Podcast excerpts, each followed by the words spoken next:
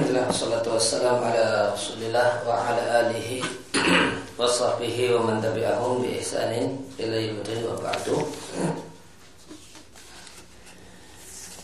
Ikhwatul iman rahimani wa rahimakumullah. Terakhir kita membahas tentang masalah lafaz mustarak yaitu lafaz yang uh, uh, satu kata yang mengandung dua atau lebih dari makna yang merupakan kebalikan dari muradif dan muradif ada beberapa kata untuk satu makna. Kali ini satu lafaz untuk beberapa makna. Dan telah kita bahas perbedaan usuliyin para ulama usul fikih tentang cara e, berdalil dengan lafaz mustarak dan kemarin telah kita sampaikan pendapat yang paling kuat adalah bolehnya menggunakan lafaz mustahak untuk semua maknanya kecuali jika dampak dari penggunaan semua maknanya tadi adalah terjadinya pertentangan hukum maka ketika itu maka tidak boleh namun wajib mencari indikator eksternal yang memberikan faedah manakah makna yang dikehendaki dari sejumlah makna yang ada untuk lafaz tersebut. Kemudian kemarin uh, keterangan yang telah kita baca Wa'ita idil kurban Kota syarih Rahimullah Ta'ala Dan memberikan kepada kerabat Yaitu memberikan kepada kerabat Apa yang jadi haknya. Dan memberikan hak kepada kerabat Apa yang jadi haknya Ini disebut dengan silah Wa'inha anil fa'asyai wal munkar wal baghi Dan uh, Dan Allah melarang dari dari fahsyat perbuatan kecil itu dosa besar wal mungkar dan kemungkaran itu dosa yang dosa yang kecil. Yaitu al fahsyat wal mungkar dan mungkar firman ta'ala pihak pihakillah berkaitan dengan hak Allah. Dan al bariu yaitu al dulmu kezaliman itu berkaitan dengan hak makhluk. Wa al udwan al khalqi dan baghi itu sama dengan melampaui batas al khalqi terhadap orang lain. Maka Allah Subhanahu wa taala melarang hal ini dan hal itu. Kemudian Allah jelaskan annahu ya'iduna bihadil qaidah wal asal al-azim. Kemudian Allah jelaskan bahwa Allah menasihati kita dengan kaidah dan kaidah yang penting ini yaitu perintah untuk adil dan ihsan berbuat baik dan melarang perbuatan dan mungkar dan kezaliman yang Allah katakan yaitu kum la'allakum tadhakkarun. La'alla di sini maknanya bukan taroji, bukan maknanya bukan semoga, namun maknanya dalil taklil supaya. Maka tidak boleh diterjemahkan dengan semoga, namun terjemah yang benar supaya. Ini ajli supaya kalian mengambil pelajaran Watata itu mengambil pelajaran dengan ayat ini Satu ayat yang mengumpulkan antara perintah dan larangan. Kemudian ayat berkata dengan ayat Kul amara bil Katakanlah bahasanya Rabbku memerintahkan keadilan Al-qisti maknanya adalah al-adil Wa aqimu wujuhakum Dan tegakkanlah wajah kalian. Maka jumlah ini Aqimu wujuhakum Ataf kepada mahal kul amara. Dan bukan ataf kepada bil kalau kita atafkan kepada bil eh, maka jadinya ah, terjemahnya katakanlah bahasanya Rabbku memerintahkan keadilan dan memerintahkan agar eh, kalian menegakkan wajah-wajah kalian namun jika atofnya ke mahal dari jumlah kul amara maka terjemahnya katakanlah bahwasanya Rabb memerintahkan keadilan dan tegakkanlah wajah-wajah kalian. Maka yang akimu wujuhakum adalah perintah yang datang dari Allah.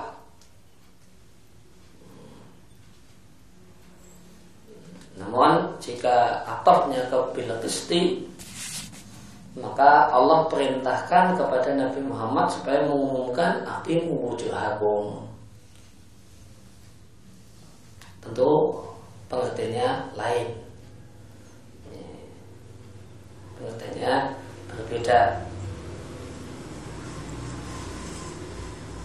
Wada'uhu artinya berdoalah kalian kepadanya Ini adalah Allah dengan memberikan ibadah untuknya sebagaimana Allah menciptakan kalian pertama kali maka kalian akan kembali artinya Allah uh, maka dia Allah akan mengembalikan kalian sebagaimana dia telah menciptakan kalian pertama kali dan Allah tidaklah ajiz tidaklah tidak mampu untuk mengembalikan penciptaan karena dia adalah dan yang tidaklah keberatan dan kesulitan untuk menciptakan pertama kali.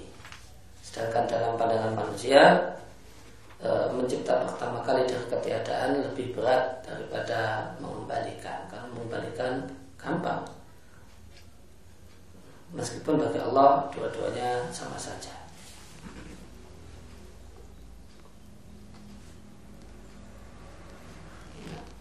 E, kemudian kita kembali ke matan.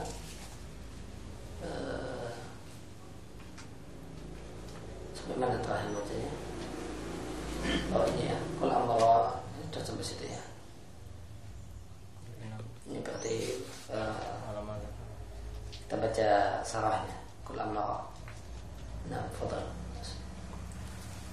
Qalu ta'ala qul inna ma qul inna ma harama rabbi al-fawahisha ma zahara minha wa ma batan yakni makana zahiran fahsyuhu wa makana fahsyuhu fahsyuhu wa makana khafiyan Wakila ma zahara ay ma azharu azharo tamuhu. Azhar tumuhu. Azhar tumuhu. Wa ma baton ay ma akhfaitumuhu wa ma tamatil ayatu tahtamilu makna yaini fal takun syamilatan lahuma. Di anna hadhi qaidatan muhimmatan fi tafsiri wal hadisi wa hiya idza kana nasu muhtamilan li makna yaini ala sawa'i wala murajjaha li ahli. Wala murajjaha li akhid li akhadihima alal akhri wala munafata bainahuma wajaba ayyahmilan nasu alaihima ayyuhmala ayyuhmalan nasu alaihima jami'an. Qauluhu wal isma ay ma yakunu bil ismu wa wal yaqabu wal bagya bi ghairil haqqi ay ma yakunu bil bagyu ala nasi wal udwanu alaihim. Qauluhu bi ghairil haqqi wasafa wasfun. mubayyinun lil wa qawluhu wa an tusyriku billahi yakni wa harama alaikum an tusyriku billahi fi ayyi naw'in minal isyraki fi ibadatihi wa fi rububiyatihi wa fi asma'i wa sifatihi. Qawluhu malam yunazil bihi sultana wasbun mubayyinun lil waqi'i li anna jami'a syirki laisa fi sultanun ay dalilun. Nah berkaitan dengan ayat al-a'raf 33 Katakanlah bahasanya aku mengharamkan berbagai perbuatan keji yang nampak dan yang tersembunyi. Tentang mata min haram ada dua makna. Yang pertama yang nampak kekejiannya, yang sangat jelas kekejiannya dan yang samar kekejiannya. Pendapat yang kedua, dohara artinya yang dilakukan terang-terangan, yang kalian lakukan terang-terangan dilihat orang, tanpa malu-malu kamabaton dan yang kalian lakukan sembunyi-sembunyi. Ketika tidak ada siapa-siapa. Ini dua e, kemungkinan makna atau dua pendapat untuk makna ayat ini. Kemudian kesimpulan dari pensarah rahimahullah ta'ala dan jika satu ayat itu mengandung dua kemungkinan makna Maka adalah kita pahami ayat tersebut mencakup dua makna tadi. Inilah sebuah kaidah penting dalam tafsir untuk ayat Al-Quran dan kaidah penting untuk memahami hadis. Kaidahnya mengatakan Idza kana nasu muhtamilan lima nayai ala sawa Jika satu teks Quran dan Sunnah mengandung dua kemungkinan makna dan kemungkinannya sama-sama kuat Walau wajah tidak ada faktor untuk menguatkan yang satu atas yang lain. Dan jika kita maknai dengan dua-duanya juga tidak terjadi pertentangan maka wajib wajib ayuhmal kita maknai nas dengan dua makna tersebut jami'an dua-duanya. Wal dan Allah melarang. Al itham dan itham adalah dosa dan pelanggaran yang menyebabkan hukuman dan melarang kezaliman tanpa alasan. Itu Allah melarang segala perbuatan yang merupakan uh, al-baghyu kezaliman atas orang lain wal dan kelewat batas melanggar apa yang jadi hak orang lain. Biroil hak di sini adalah keterangan yang menjelaskan realita Artinya semua kezaliman pasti tanpa hak. Kalau dengan hak tidak disebut kezaliman. Namun disebut keadilan.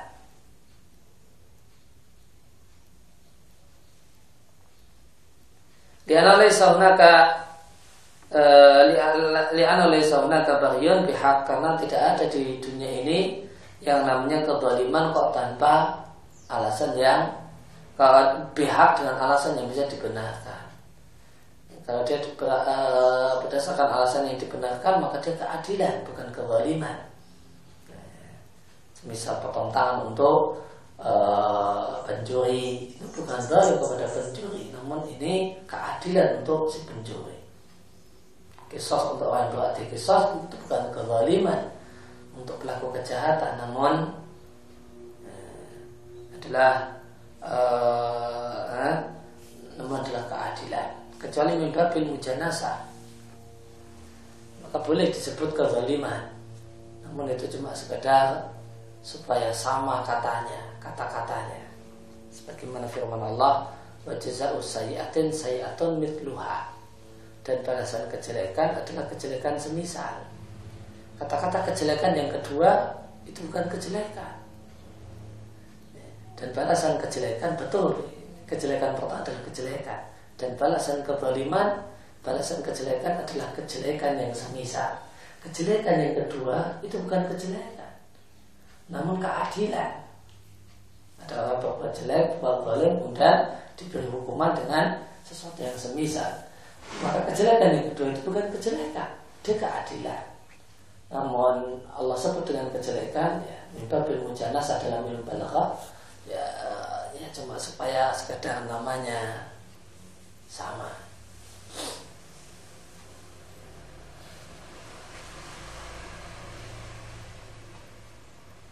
Wa antusiku billah dan kalian dan Allah e, melarang kalian untuk menyekutukan Allah.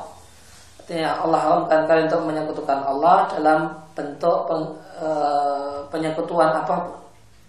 Menyekutukan Allah dalam ibadah, dalam rububiyah ataupun dalam nama dan sifat Allah. Dengan sesuatu yang Allah tidak menurunkan sultan dalil kalau dia adalah sekutu bagi Allah. Ini juga keterangan yang menjelaskan realita, menceritakan realita.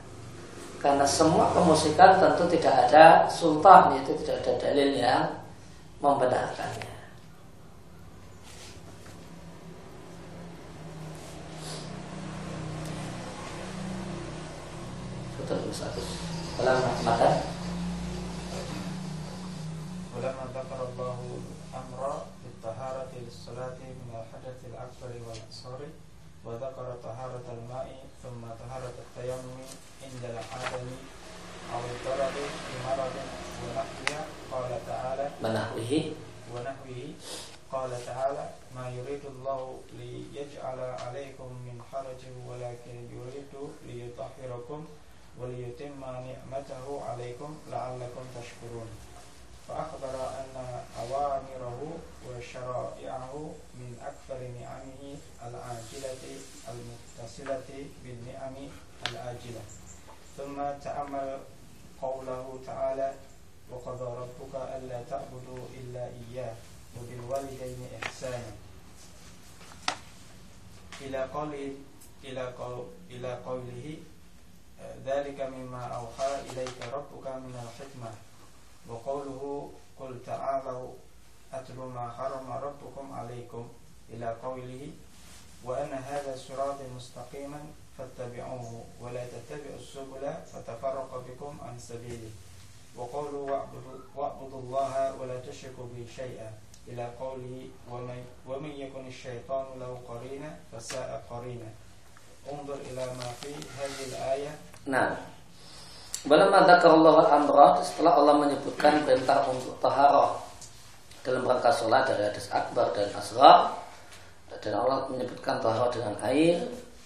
dan taharah tayamum ketika tidak ada air atau ketika ada madarat jika memakai air disebabkan sakit atau semacamnya. Inilah dua sebab yang membolehkan tayamum. Intinya yang membolehkan tayamum adalah dua hal ini. Yang pertama adalah tidak ada air, kemudian yang kedua adalah ada air. Namun kita akan dapatkan madarat jika nekat menggunakan air. Kalau Ta'ala maka Allah tutup firmannya dengan Allah katakan Allah tidak menginginkan untuk menjadikan kesempitan atas kalian akan tapi Allah ingin mensucikan kalian dan menyempurnakan nikmat-nikmatnya atas kalian supaya kalian bersyukur. Maka Allah katakan dalam ayat ini ini semua perintah dan syariat Allah adalah termasuk nikmat yang paling besar al-ajilah yang disegerakan di dunia dan ini mutasilah berhubungan dengan nikmat ajilah, nikmat yang ditunda yaitu nikmat di akhirat. Kemudian renungkanlah firman Allah Ta'ala dan Rabbmu memerintahkan supaya kalian tidaklah menyembah kecuali kepadanya dan berbuat baiklah kepada dua orang tua. Kemudian di akhir ayat ditutup dalika mimma auha ilaika rabbuka minal hikmah itulah di antara hikmah yang Allah wahyukan kepadamu. Dan firman Allah katakanlah marilah aku bacakan kepada kalian apa yang diharamkan oleh Rabb kalian kepada kalian. Di akhir rangkaian ayat inilah jalanku yang lurus ikutilah jalan ini. Janganlah kalian tetap usubula mengikuti jalan-jalan yang menyimpang. Fatafarqa bikum an maka kalian akan terpecah terpisah dari jalannya kata Mujahid ketika menjelaskan ayat ini asubul dia al bidah Wasubuhat Wa'budullah wa la tusyriku Sembahlah Allah dan janganlah kalian sekutukan Allah dengan sesuatu apa pun. Kemudian di akhir rangkaian ayat dan siapa yang setan menjadi temannya maka setan adalah sejelek-jelek teman baginya.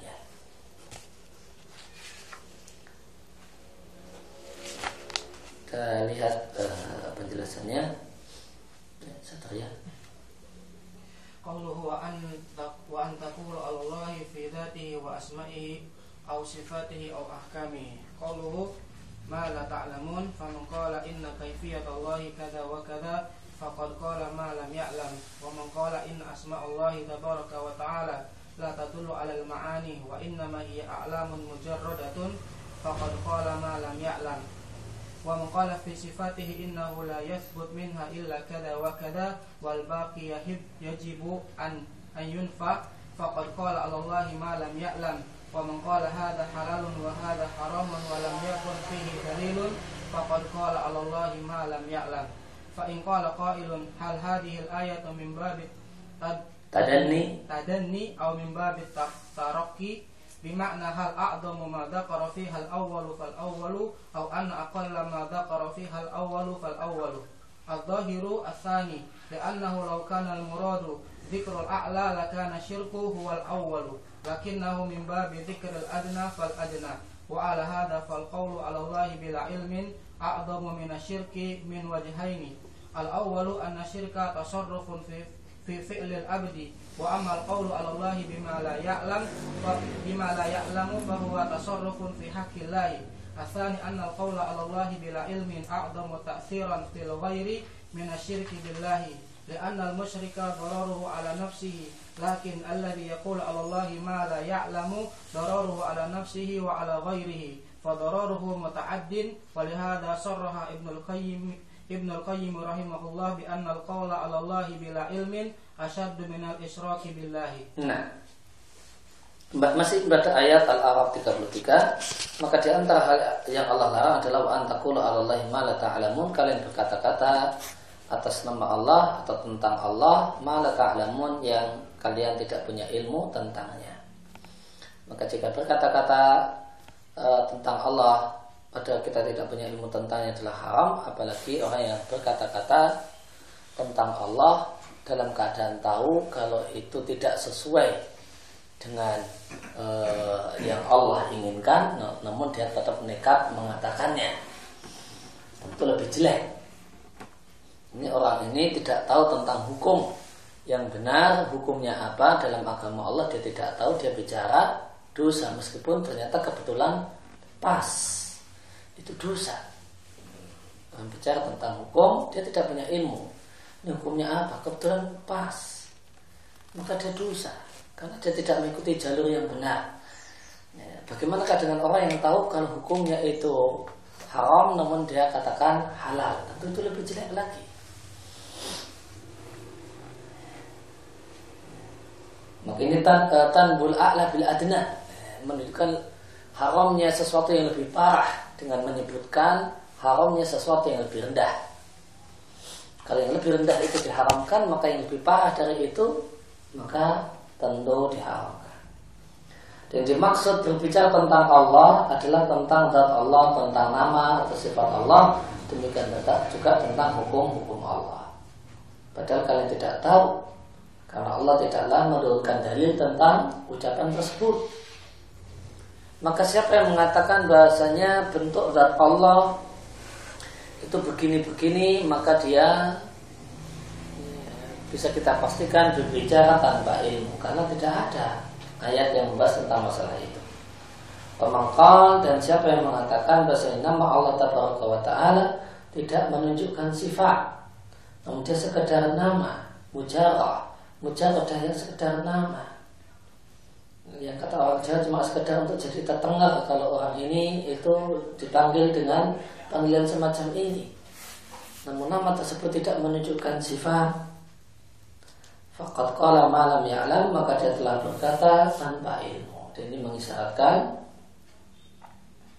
uh, akidah Jahmiyah dan Mu'tazilah yang meyakini bahasa nama Allah adalah mujarradul a'lam la tatulu ala al-ma'ani wal awsaf. Uh, wa man dan siapa yang mengatakan tentang sifat Allah bahasanya tidak ada sifat yang valid bagi Allah kecuali sekian jumlahnya sedangkan yang lain wajib ditiadakan mengisyaratkan asyariyah Fakat qala Allah malam ya'lam maka dia telah berkata kata tanpa ilmu. Dan siapa yang mengatakan ini halal ataukah ini haram Padahal dia tidak punya dalil atas ucapannya Maka dia juga berkata tentang Allah tanpa ilmu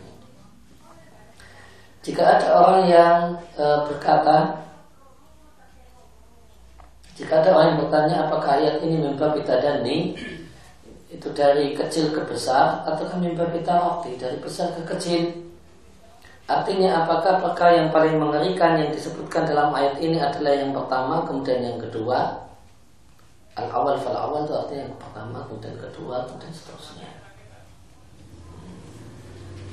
Au al luma fiha ataukah yang paling rendah yang disebutkan di ayat tersebut adalah yang pertama kemudian naik lebih parah kemudian lebih parah Allah kemungkinan yang lebih mendekati adalah azani kemungkinan yang kedua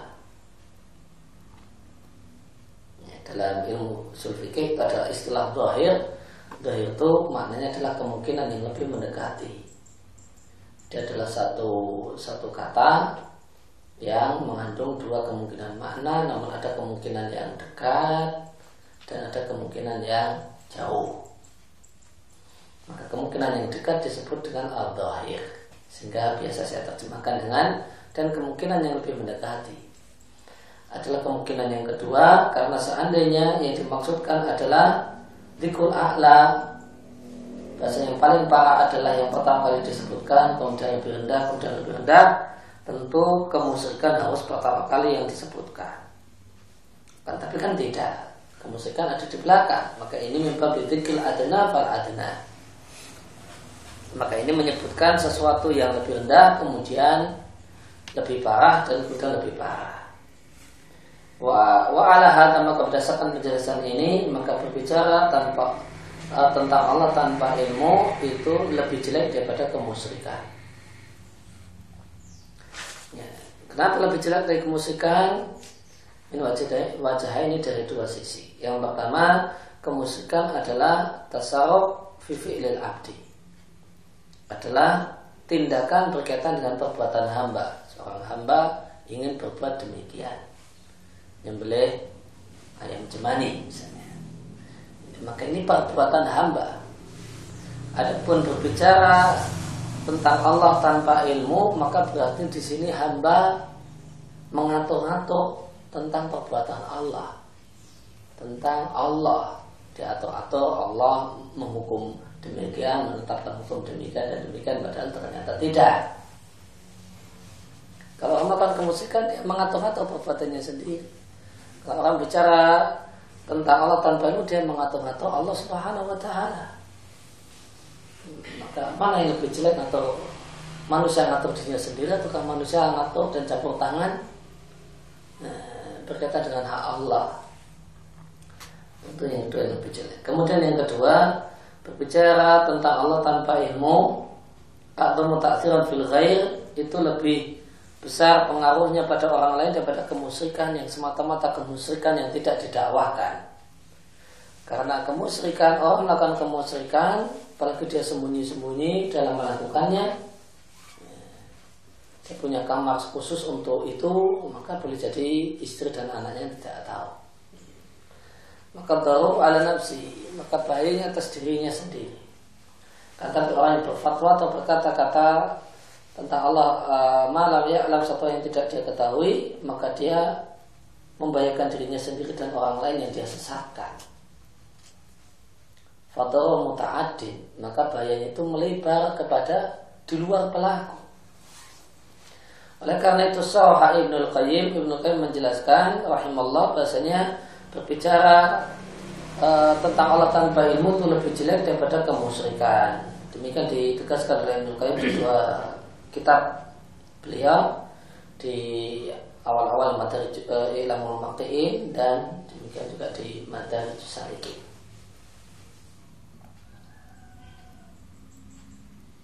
Berkaitan dengan menyebut nama Ibnul Qayyim maka ada dua pilihan. Kalau tanpa al-jauziyah maka Qayyimnya diberi al Ibnul Qayyim. Namun jika jika dengan jauziyah maka Qayyimnya tidak boleh diberi al. Maka Ibnu Qayyimil Jauziyah. Perlu diketahui bahasa Jauziyah adalah nama madrasah. Ya, nama madrasah. Pusat e, studi atau pusat pembelajaran.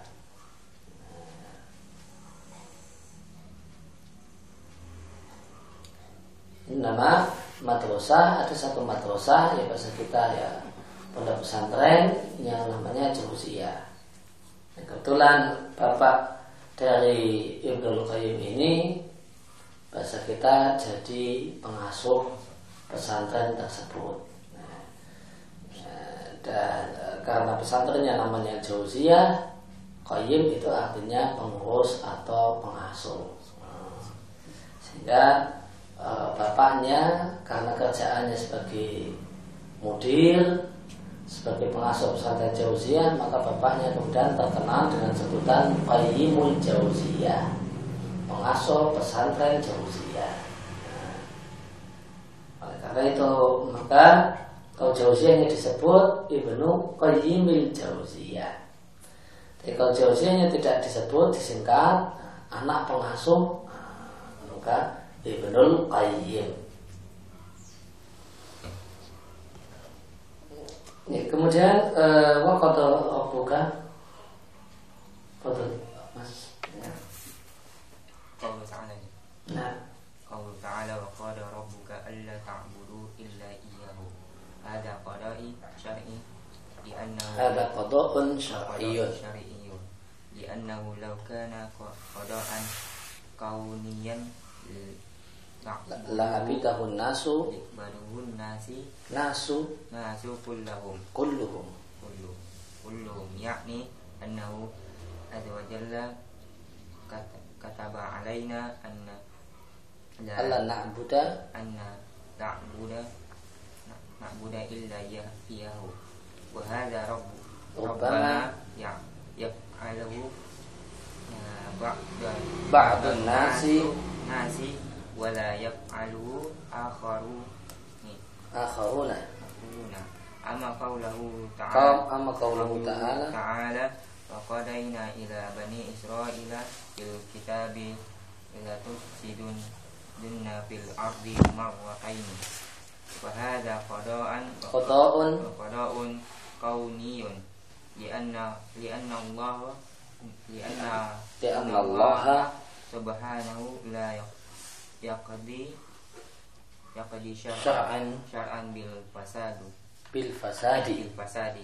Bal wala yuhibbul fasadi. Fasada wa man wa wa man qada'i al wa min al qada'i qada'i al kauni qawlu ta'ala walamma qadaina alaihi al mauta ma dallahum ala mautihi illa da'ab dabbahu dabbatul dabbatul ard ardi Nah. Wa qadara rabbuka alla ta'budu illa iyyah. Maka qadha itu ada dua macam, ada qada'u syar'i dan ada qada'ul kauni qadari. Ada qada'u syar'i dini. Qada' ke- eh, ketetapan yang eh, statusnya adalah syariat. Yang ketetapan yang berupa syariat ini boleh jadi eh, sebagian orang mentaatinya, sebagian orang lagi bisa tidak mentaatinya. Lain dengan qada'ul kauni qadari takdir maka kalau takdir semua orang tidak boleh tidak terikat dengannya. Tidak akan ada yang bisa meleset darinya menghindarinya. Maka waktu buka alat ta'budu illa iya. Qada di sini adalah qada syar'i.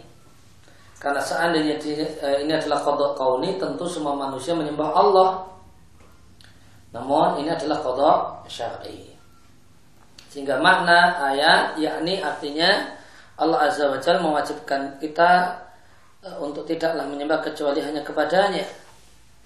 Karena dia kodok syar'i maka ubama yaf'alu ba'duna sebagian orang melakukannya menyembah Allah. Wal yaf'aluhu akharun sebagian orang yang lain tidak mau menyembah Allah. Karena dia kodok syar'i. Kodok syar'i, kodok syar'i maka ada sebagian orang yang bisa menghindar darinya.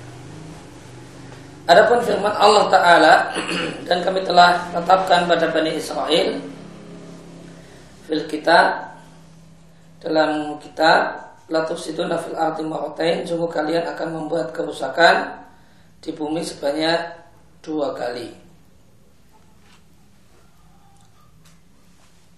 Fahada qada'un kauni Maka ini adalah qada' kauni Karena Allah tidaklah menetapkan Dengan syariatnya untuk berbuat kerusakan Bahkan Allah tidak menyukai kerusakan. Contoh yang lain untuk qada' kauni Adalah firman Allah di surat Sabah Tentang Nabi Sulaiman.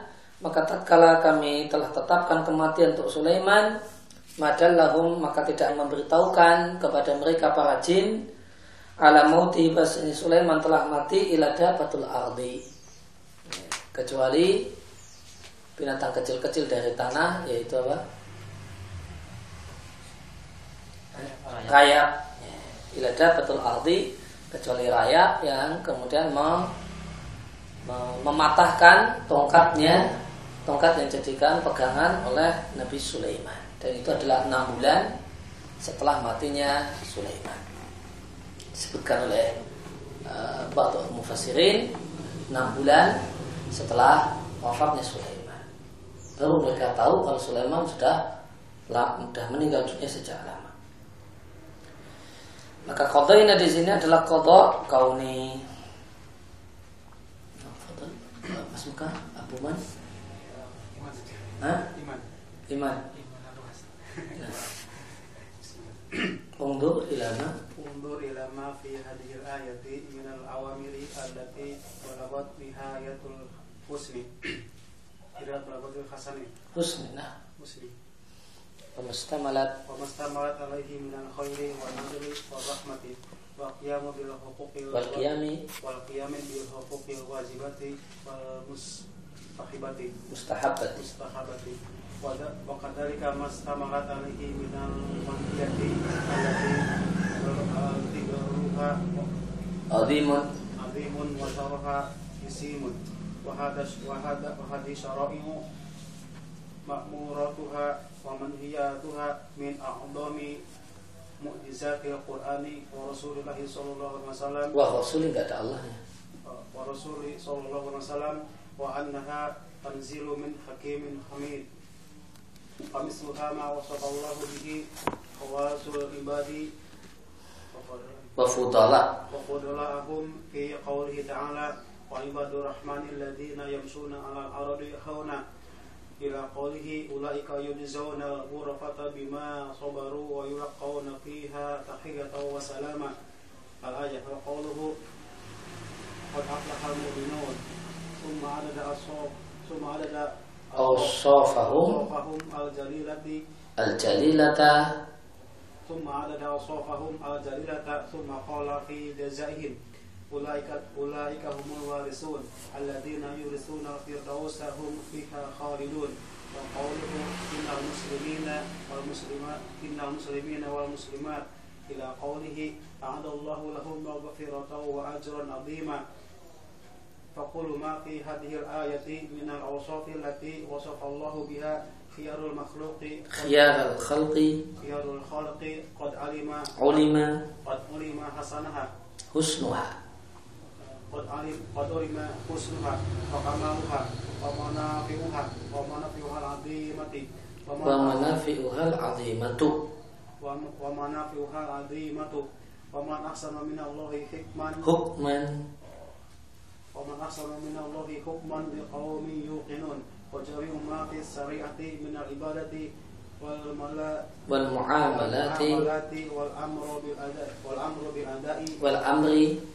والأمر بالأداء الحقوق المتنوعة mutanawwi'ati تفاصيل وتفاريع tafari'u تفاصيل وتفاريع بما ذكر الله في بما ذكر الله في هذه الآية وجميع ما فصله العلماء من مصالح المأمورة ومنافيها ومدار المنهيات ومفاسدها داخل في داخل في هذا ال- في أصل. هذا الأصل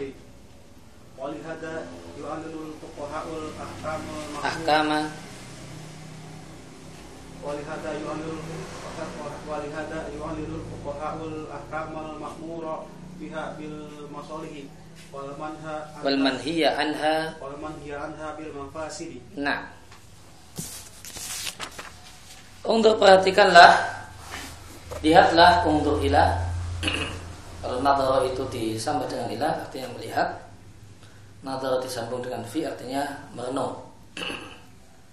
Nadhara kemudian maf'ul bih artinya menunggu. Untuk ilah maka lihatlah ma fi hadil ayat minal awamir berbagai perintah yang ada dalam ayat-ayat ini. Yang perintah-perintah yang balaghot nihayatul husni, perintah-perintah yang sangat bagus. Wa mastamal alaihi dan lihatlah isi dari ayat-ayat tersebut yaitu kebaikan dan keadilan, kasih sayang, e, melaksanakan berbagai hak, eh, berbagai kewajiban. Hak itu dalam bahasa kadang maknanya hak, kadang maknanya wajib. Hak, eh, hak di sini artinya wajib. Wal bil hukum dan melaksanakan kewajiban Eh, dan kewajiban ada yang wajib dan ada kewajiban yang merupakan satu hal yang dianjurkan. Demikian juga mustamalat alaihim minal manhiyat berbagai larangan yang terkandung dalam ayat. Yang larangan tersebut, hal-hal yang terlarang tersebut bahayanya besar, kejelekannya besar. Dan berbagai aturan e, baik berupa perintah, hal-hal yang diperintahkan atau hal-hal yang dilarang adalah termasuk mukjizat yang paling aku dari Al-Quran dan Rasul Shallallahu Alaihi Wasallam dan bukti bahasanya mukjizat tersebut turun dari zat yang maha bijaksana lagi maha terpuji. Uh, Syekh Nusaimin mengatakan hakim artinya dul hikmah yang memiliki hikmah. Ini adalah uh, salah satu dari makna hakim. Karena hakim eh, mengandung dua atau tiga makna. Yang pertama adalah hakim bimana hakim yang menetapkan hukum. Kemudian yang kedua adalah hikmah. Tat yang memiliki hikmah. Dan konsekuensi dari dia adalah tul hikmah dia memiliki hikmah maka dia adalah muhkim. Maka makna yang ketiga adalah muhkim. Yang ini juga sebenarnya sudah bisa dimasukkan kepada makna yang kedua. Muhkim artinya adat yang ya, sangat teliti dalam semuanya ketika dia menetapkan aturan aturannya teliti. Tidak mengandung kelemahan sedikit ketika dia menetapkan ketika dia mencipta maka ciptanya sempurna tanpa mengandung cacat sedikit Hamid. Hamid memiliki dua makna. Makna yang pertama disebutkan di sini Mahmud. Dia terdapat yang dipuji azza wajal alamat atau teman hati syariah minal kamal karena kesempurnaan yang terkandung dalam syariat ini. E, makna yang kedua dari Hamid adalah Hamid artinya yang memuji. Dan dia adalah zat yang memuji hamba-hambanya yang berhak untuk mendapatkan pujian.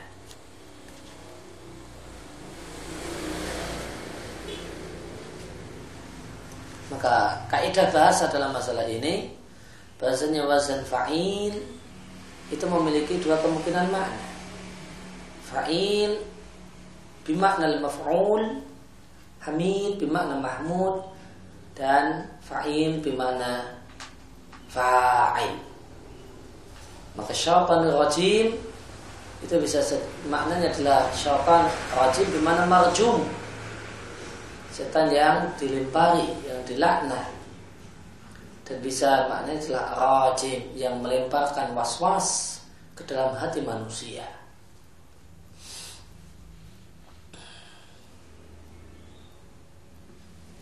Nah, kamar.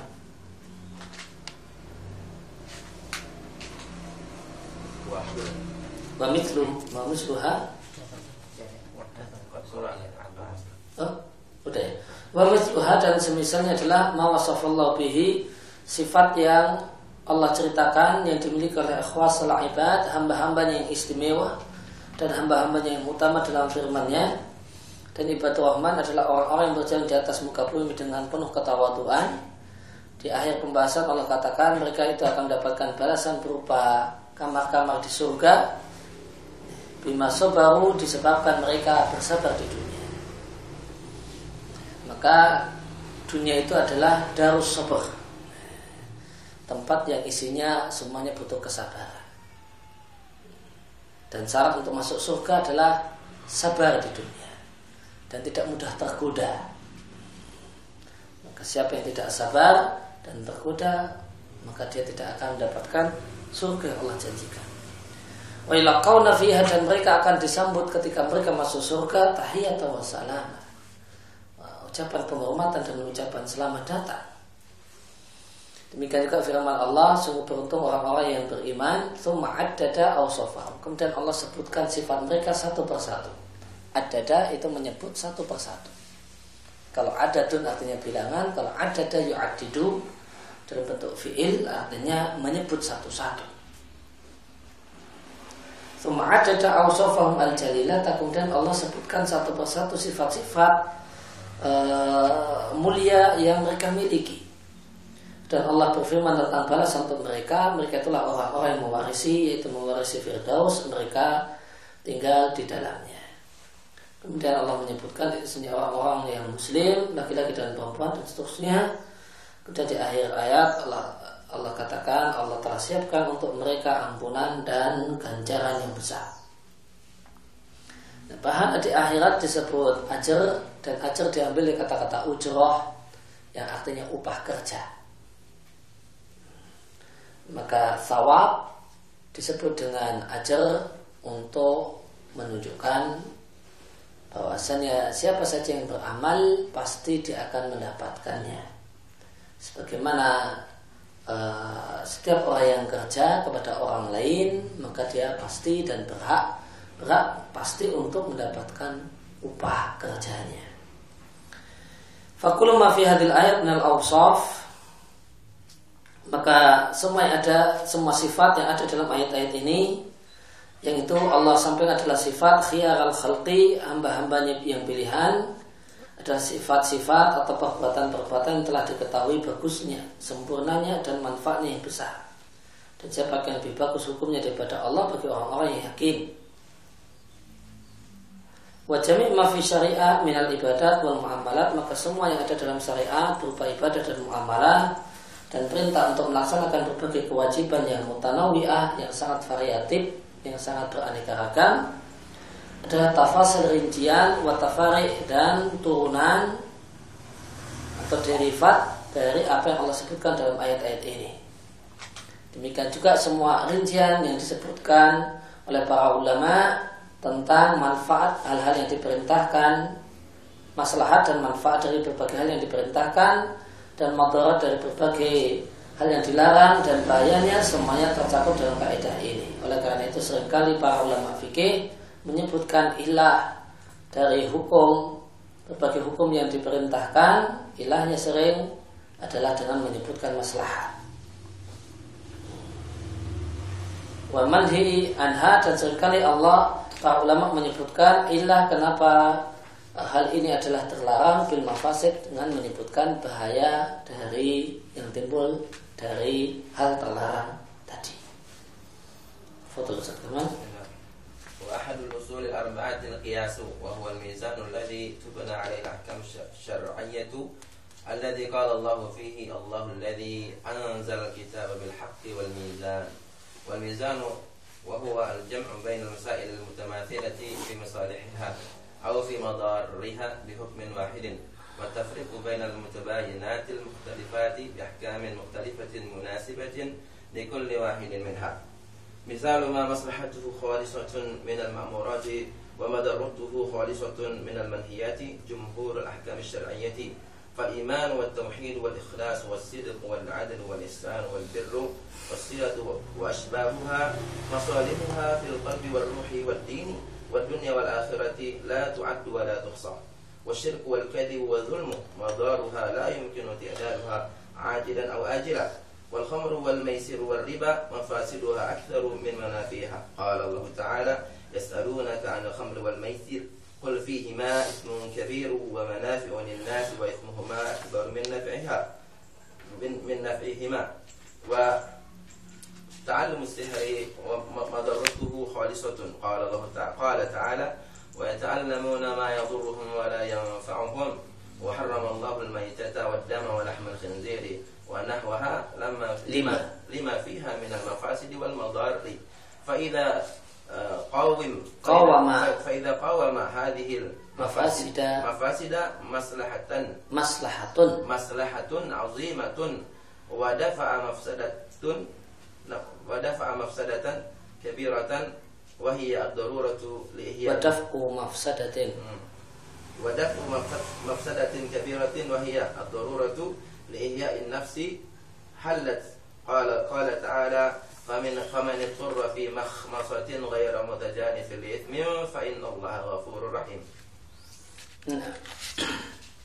Uh, Wahadul usulil arba'ah dan salah satu dari empat dalil pokok dalam Islam setelah Quran, hadis dan ijma adalah kias. Dan kias adalah mizan adalah timbangan yang dibangun di atas yang berbagai hukum syariat.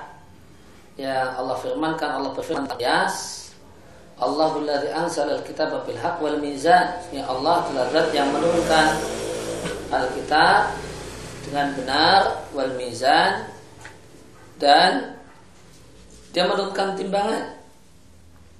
Yang dimaksud dengan timbangan adalah jamu bainal masail mutamasilah menyatukan berbagai masalah yang sama maslahatnya atau sama bahayanya disatukan dengan diberi hukum yang sama dan dibedakan berbagai hal yang berbeda al-mukhtalifat yang berbeda dengan hukum yang berbeda yang sesuai untuk masing-masing dari keduanya. E, berkaitan e, ya, maka kias itu adalah satu istilah atau satu kosakata yang tidak ada dalilnya tidak kita jumpai dari Quran dan Sunnah e, menggunakan kata-kata kias dengan pengertian kias sebagaimana kias dalam ilmu usul fikih tidak dijumpai. Namun yang ada adalah mizan. Kias dalam pengertian ilmu usul fikih itu dalam bahasa Al-Quran ya, adalah mizan. Oleh karena itu Ibnu Qayyim menyebutkan di film Mumaqihin yang tepat adalah menamai kias dengan mizan. Karena itu adalah kosakata syar'i kalau mizan. Adapun kias ya maka dia kosakata yang uh, tidak dipakai dalam pengertian sepanjang itu dalam Quran dan Sunnah. Kias dalam pengertian atau yang disebut oleh Al-Quran dengan mizan dijumpai di surat As-Sur ayat 17. Allah diangzal al-kitab bil haq adalah zat yang menurunkan al-kitab bil haq dengan benar wal mizan dan dia menurunkan mizan yaitu kias. Mizan di sini maknanya adalah kias. Maka itulah lafzun syar'i, lafaz yang syar'i untuk qiyas adalah mizan. Kemudian Allah la anzal al-kitab bil haq dan Allah telah menurunkan kitab dengan al-haq, menurunkan kitab dengan bil haq itu punya dua makna. Yang pertama dia adalah dia adalah dia menurunkan kitab dan benar-benar eh, benar-benar ya, dia adalah satu hal yang turun dan datang dari Allah Subhanahu wa taala. Maka pihak di sini artinya benar-benar. Dialah Allah zat yang benar-benar menurunkan kita. Nah, kalau mak makna yang pertama ini kalau kita terjemahkan maka pihak kita terjemahkan dengan benar-benar. Allah adalah zat yang benar-benar menurunkan kita, bukan dusta, bukan bohong-bohongan, itu asli benar datang dari Allah. Kemudian makna yang kedua, pihak di sini maknanya artinya isinya kebenaran. Allah adalah zat yang menurunkan kitab yang kitab tersebut seluruh isinya adalah hak. Dan hak di sini hak dalam hukum yaitu adil dan hak dalam berita yaitu benar. Tidak dusta. Maka semua isi Al-Qur'an ada jika hukum adalah hukum yang adil dan jika kabar dan berita maka berita yang benar.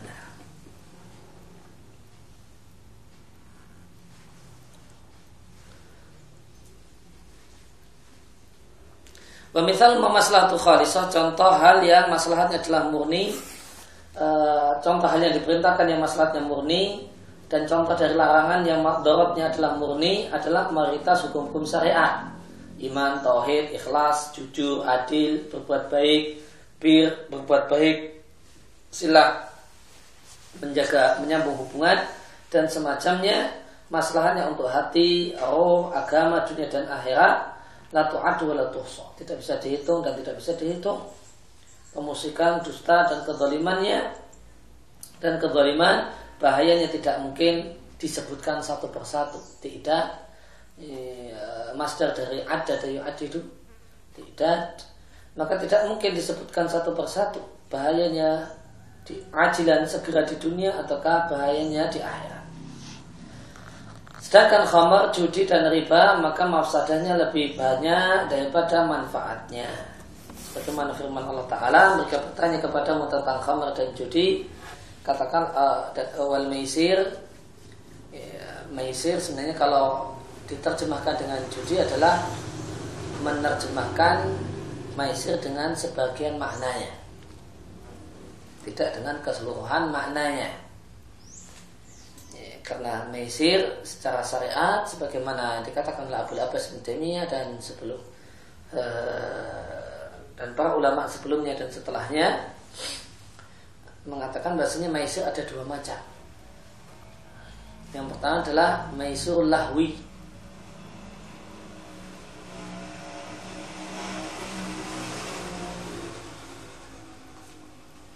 Maisir lahwi. Lahwi itu adalah hal-hal yang melalaikan meskipun nggak pakai uang nggak pakai judi semua permainan yang melalaikan dari taat disebut mesir. Mesir lahwi karena itu Ibnu Umar dan yang lainnya mengatakan bahasanya sataranji mesir aja. Catur adalah mesirnya orang non Arab maka meskipun main catur tanpa pakai uang tanpa taruhan disebut dengan maisir. Mimbab maisir lahwi.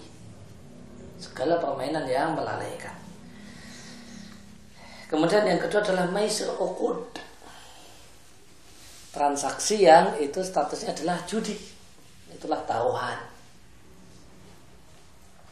Kulfi ma'ithmun kabir wa manafi'u linas. Katakanlah pada keduanya khamr dan maisir terdapat uh, ithmun kabir dosa yang besar dan manfaat untuk banyak orang dan dosa yang lebih besar daripada manfaatnya. Sedangkan belajar ilmu sihir madaratnya adalah murni madarat dalilnya adalah firman Allah Ta'ala dan mereka mempelajari dari Harut dan Marut ilmu sihir yang hanya membahayakan mereka dan tidak memberikan manfaat pada mereka. Waharam Allah maitata dan Allah mengharamkan bangkai darah mal khinzir dan daging babi dan semacamnya karena di dalamnya terdapat bahaya dan bahaya. Oleh karena itu tidak qawama. Qawama artinya melawan. Ay jika bahaya ini dilawan ditentang oleh maslahat yang besar dan ketika uh, bahaya ini daf umafsadatin kabira dalam rangka memakainya dalam rangka menolak bahaya yang besar yaitu satu hal yang kondisi darurat menyelamatkan nyawa. Maka makan bangkai jadi halal. Sebagaimana firman Allah Taala faman maka e, siapa yang terpaksa fi makhmasati dalam keadaan kelaparan Ghair mutajanifin ismin dan dia bukanlah orang-orang yang mencari-cari dosa fa inna Allah rahim maka Allah maha pengampun lagi maha penyayang Walima kanat maslahatul jihad min a'zamil masalih. Dan dikarenakan bahasanya maslahat jihad adalah maslahat yang sangat besar jazal iwat maka boleh ada taruhan dalam pacuan kuda pacuan unta dan lomba memanah. Wa kharajat minal maisir anil maisir dan ini terkecualikan mendapatkan pengecualian dari mesir yang hukum asalnya adalah haram. Maka uh, untuk untuk uh, latihan-latihan fisik yang itu manfaat untuk jihad diperbolehkan judi di dalamnya, diperbolehkan taruhan di dalamnya. Uh, orang lomba memanah, kemudian ada 10 orang, dan masing-masing e, ngasih daftar e, ngasih uang sepuluh ribu dan dikumpulkan. Kemudian siapa yang e, memanahnya paling bagus maka dialah yang menang. Kemudian dia boleh bawa uang sepuluh ribu kali sepuluh tadi. Ya, maka ini boleh dalam hal ini. Karena maslahat dalam rangka untuk maslahat jihad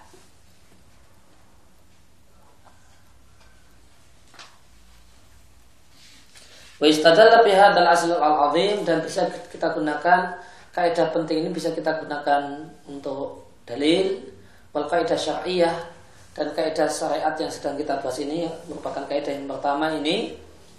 Di kitab ini bisa jadi dalil ala anna ulumal kaun bahasanya ilmu pengetahuan alam yang biasa disebut dengan ulum asriyah ilmu modern wa akmalaha dan berbagai macam aktivitas keilmuan modern dan berbagai macam penemuan yang manfaat untuk banyak orang terkait dengan urusan agama dan dunia. Anna dakhilatun maka semua ilmu ini termasuk ilmu yang diperintahkan oleh Allah dan Rasulnya untuk dipelajari. Dan mempelajari ilmu duniawi di atas ilmu kaun di atas adalah sesuatu yang dicintai oleh Allah dan Rasulnya dan berbagai macam penemuan dan ilmu-ilmu pengetahuan yang manfaat tersebut di antara nikmat Allah kepada manusia. Lima fiha minal manafi atau ruyat wal kamaliyah. Karena dalam ilmu-ilmu tersebut terwujudlah manfaat. Manfaat yang vital, manfaat yang merupakan kebutuhan primer wal kamaliyah ataukah yang merupakan kebutuhan tersier kalbarkiat semacam telegram dan dengan berbagai macamnya. wasinaat kulihat dan semua macam industri. Wa ajnasul muhtara ala hadisah dan berbagai jenis barang temuan modern tan tanpa biku hadil qaidatu alaiha. Kaidah ini bisa diterapkan kepadanya. Atau kaidah ini cocok untuknya atau mal intibak dengan kecocokan yang sempurna Tuhan maka sebagian ilmu pengetahuan ilmu pengetahuan modern itu termasuk wajib untuk dipelajari sebagian yang mustahab untuk dipelajari dan sebagiannya adalah mubah dipelajari. Hukum beda-beda ini tergantung manfaatnya dan tergantung wama tuthmiruhu tergantung dampak yang ditimbulkan oleh ilmu tersebut. Watun uh, wayun tiju uh, anha. Dan apa yang muncul darinya? Dari berbagai kegiatan dan berbagai kemanfaatan. Kama anas bagaimana berbagai kemajuan ilmu pengetahuan modern dan berbagai macam penemuan modern itu termasuk dalam kaidah syar'i yang kedua. Setelah uh, yang ada dalam kitab ini yaitu kaidah tentang masalah wasail. Ya. Demikian yang kita baca kesempatan pagi hari ini. Sallallahu alaihi wa alihi wasallam. Alhamdulillah.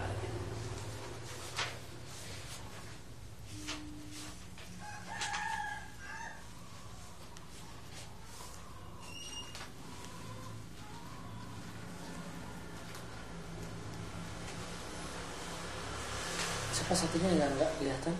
Biasa ada orang yang ke sini? Tangga oh. Alam katanya. Malam kerja. Kerjanya malam